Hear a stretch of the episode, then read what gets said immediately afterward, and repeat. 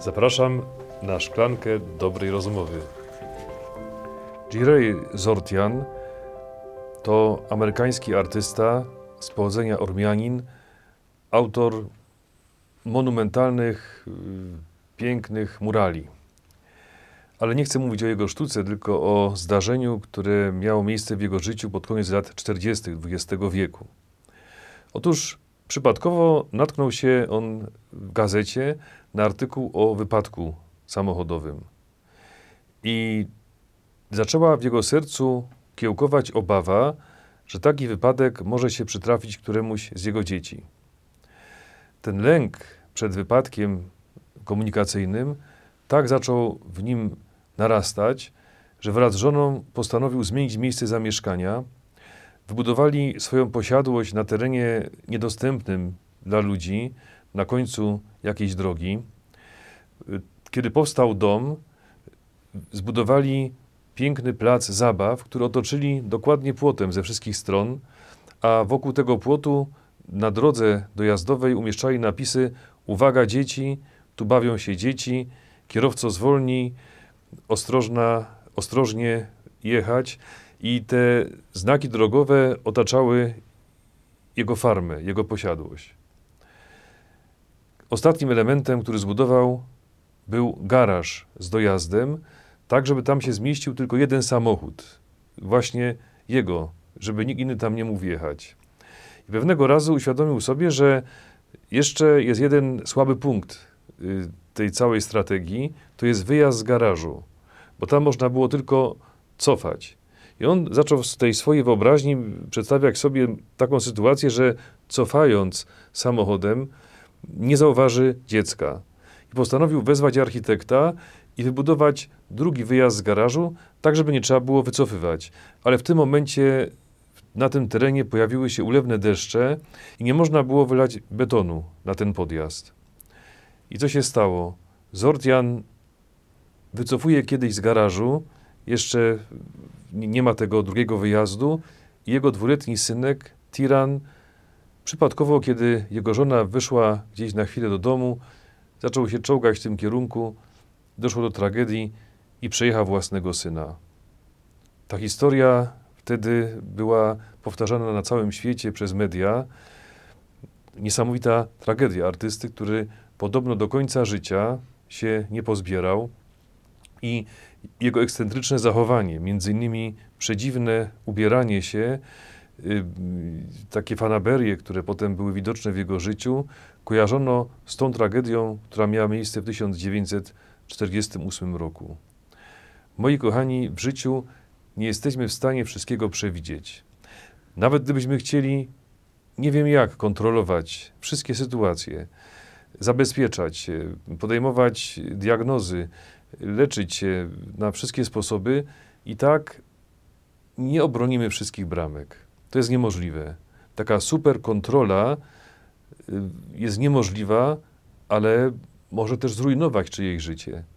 Znamy wszyscy historię Michaela Jacksona, który w swojej posiadłości, którą nazwał Nibylandią, y, chronił się ze wszystkich sił, wykorzystywał wszystkie możliwości, żeby się ustrzec przed jakąkolwiek chorobą. Kiedy był sam, poza koncertami, zakładał specjalny kombinezon nieprzepuszczalny dla bakterii, dla wirusów, miał hełm, takie nakrycie głowy z maseczką super odporną na mikroby, więc był w pełni bezpieczny. Kiedy się witał, to tylko poprzez specjalne rękawiczki, żeby się czymś nie zarazić. I założył sobie, że będzie żył 150 lat. Poprzeczka bardzo wysoka. I co się okazało? Wiemy, że znaleziono go nieżyjącego, przedawkował środki uspokajające, nasenne i do dziś nie wiadomo, czy to jego wina, że przedawkował, czy lekarz mu przepisał złą receptę, niewłaściwą ilość tych środków. W każdym razie człowiek, który robił wszystko, by żyć jak najdłużej, nie przeżył z tych 150 lat nawet jednej trzeciej. Nie da się po ludzku przewidzieć wszystkich konsekwencji. Człowiek, który w sposób taki nadwrażliwy chce kontrolować wszystkie aspekty swego życia, żeby nie było żadnej bramki niestrzeżonej, wpadnie w nerwicę, czy w jakąś inną chorobę psychiczną. Tak się nie da żyć. I moi kochani, dlaczego o tym mówię? Bo dzisiaj w Ewangelii, w uroczystość Jezusa Chrystusa, Króla Wszechświata, mamy scenę sądu ostatecznego, gdzie Jezus motywuje nas do miłości bliźniego, ale wcześniej, w pierwszym czytaniu z księgi Ezechiela, Bóg pokazuje, że to On przede wszystkim nas kocha, a nasza miłość jest odpowiedzią na Jego miłość. I tam Ezechiel daje przepiękny obraz pasterza, którym jest Bóg i który mówi: Odtąd ja sam będę się troszczył o swoje owce. Zagubioną odszukam, zabłąkaną sprowadzę z powrotem do owczarni, skaleczoną sam osobiście opatrzę, a chorą będę umacniał.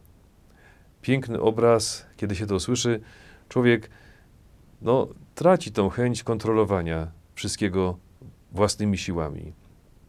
Nie mówię, nie chcę nikogo przekonywać, żeby porzucić całkowicie pracę i troskę o swoje zdrowie, o życie swoje innych, o, żeby wyrzucić, odrzucić z życia zapobiegliwość, starania, ludzki wysiłek.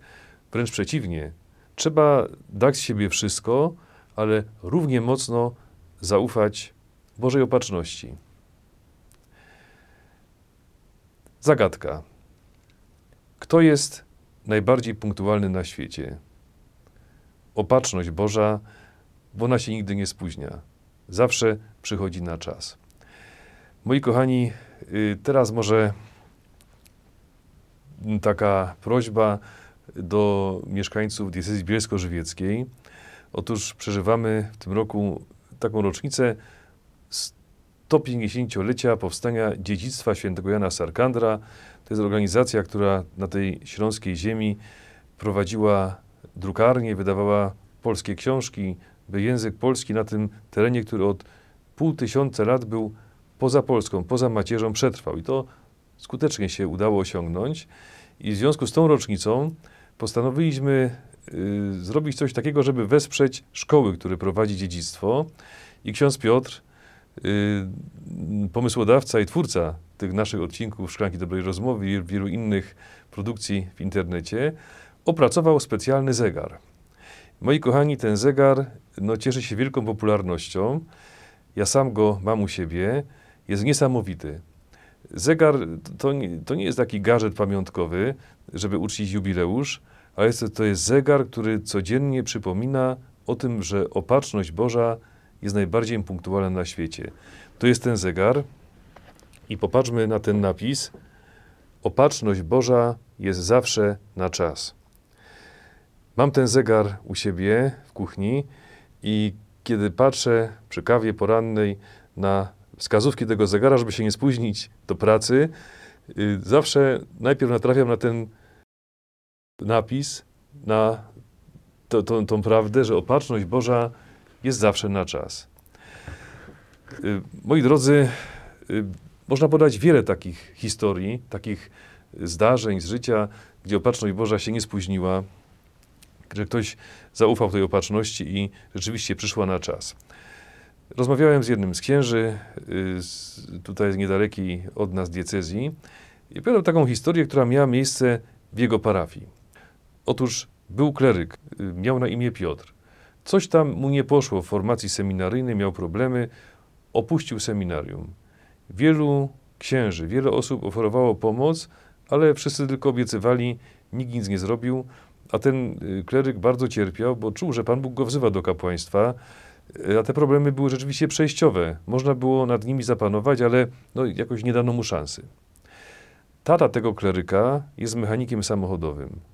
I pewnego razu przyjeżdża do niego mm, jakiś człowiek z zagranicy, który przejeżdżał przez tą miejscowość samochodem i nagle samochód się zatrzymał i on doszedł z pobliskiego miejsca, bo to akurat niedaleko tego warsztatu się stało, y, dopytał, kiedy jest jakiś mechanik samochodowy i mówi, mój samochód stoi, nie jedzie dalej. Okazało się, że ten człowiek jest z Barcelony, jest Hiszpanem. Więc ojciec tego kleryka poszedł, wziął narzędzia, podszedł do tego samochodu, ale okazało się, że kiedy wsiedli, samochód ruszył. Pojechali do warsztatu, dokładny przegląd, no wszystko jest w porządku. Tata kleryka zaprasza tego y, przejezdnego, przejeżdżającego y, turystę na kawę, y, bo no, widzi, że ktoś z zagranicy, żeby z nim porozmawiać. Okazuje się, że to jest ksiądz, ksiądz diecezji barcelońskiej. Ojciec opowiada o swoim synu, że syn też był klerykiem, tylko mu coś nie wyszło, a może ten syn jest. Okazało się, że był. Ten ksiądz z nim porozmawiał i jak się ta historia zakończyła? Dzisiaj ksiądz Piotr jest księdzem w Hiszpanii. Właśnie tam, w tej diecezji, z której pochodził ten przejeżdżający tamtędy kapłan, okazało się, że on pomógł nawiązać kontakt z miejscowym biskupem. Problemy, które miał, rozwiązano i ksiądz jest szczęśliwym kapłanem. Przypadkowa awaria. Yy, właściwie nie było żadnej awarii. Opatrzność Boża przyszła na czas. Moi kochani, kiedy będziemy przeżywać jakąś trudność, pamiętajmy przede wszystkim o modlitwie. Żeby Panu Bogu o tym powiedzieć. To nie znaczy, że Pan Bóg nie zna naszych problemów, bo On jest wszechmocny i wszechwiedzący i wie wszystko. Ale ze, ze względu na nas, żebyśmy się na Niego mogli otworzyć, chcę, żebyśmy mówili o naszych problemach, o tym, co przeżywamy. Kiedyś było takie zdarzenie, gdzieś o tym przeczytałem, że była konferencja lekarzy, chirurgów. I w pewnym momencie jeden z tych lekarzy, kiedy już był obiad, yy, taki lunch w przerwie, gdzieś wyszedł yy, po cichu z tego przyjęcia, nie wrócił i znaleziono go w łazience, niestety już nie żył. Okazało się, że się zakrztusił przy jedzeniu. Wszyscy przy stole byli lekarzami. Gdyby powiedział, że coś jest nie tak, że się krztusi, yy, być może zastosowaliby ten chwyt Heimlicha, wiadomo, naci- nacisk na przeponę. Y, Ci, którzy znają się, myślę, że- wszyscy powinniśmy uczyć się takich y, rzeczy, które mogą kogoś uratować życie. Albo nawet któryś z chirurgów mógł mu zrobić sz- szybką tracheotomię, żeby ratować życie. Ale on chciał być kulturalny, nikomu o tym nie powiedział i skończyło się to no, w straszny sposób. Mów Panu Bogu, co przeżywasz. Nawet jeśli miałbyś się z Nim kłócić. Pan Bóg to lubi. Na to czeka. Wystarczy poczytać psalmy, jak psalmiści kłócili się z Bogiem. Mów Panu Bogu o tym, co przeżywasz, co ci dolega, bo On jest dobrym pasterzem, który sam troszczy się o swoje owce. I pamiętaj, że opatrzność Boża jest najpunktualniejsza na świecie, bo ona jest zawsze na czas. Przychodzi zawsze na czas. Pan z wami. Niech was błogosławi Bóg Wszechmogący, Ojciec i Syn i Duch Święty. I moi drodzy, y, może warto postarać się o taki zegar, bardzo estetyczny, przypomina o Bożej Opatrzności, a poza tym w ten sposób będziemy mogli wesprzeć te szkoły katolickie y, naszą ofiarą, bo całkowity dochód właśnie z tych zegarów jest przeznaczony na rozwój tych szkół, a są w potrzebie. Jeśli ktoś jest zainteresowany zegarem, to w opisie jest y, podane, jak można go zdobyć, a informacje na temat szklanki dobrej rozmowy są tutaj. Księża Piotr i Mateusz zdążyli w dopowiedzeniach omówić całą encyklikę Laudato Si, więc kto słuchał, ma pełny pogląd i wiedzę o wskazaniach papieża w związku z dziełem stworzenia. I przechodzą do nowej encykliki, myślę, że równie ciekawej, Fratelli Tutti. Więc posłuchajmy pierwszego odcinka nowego sezonu dopowiedzeń.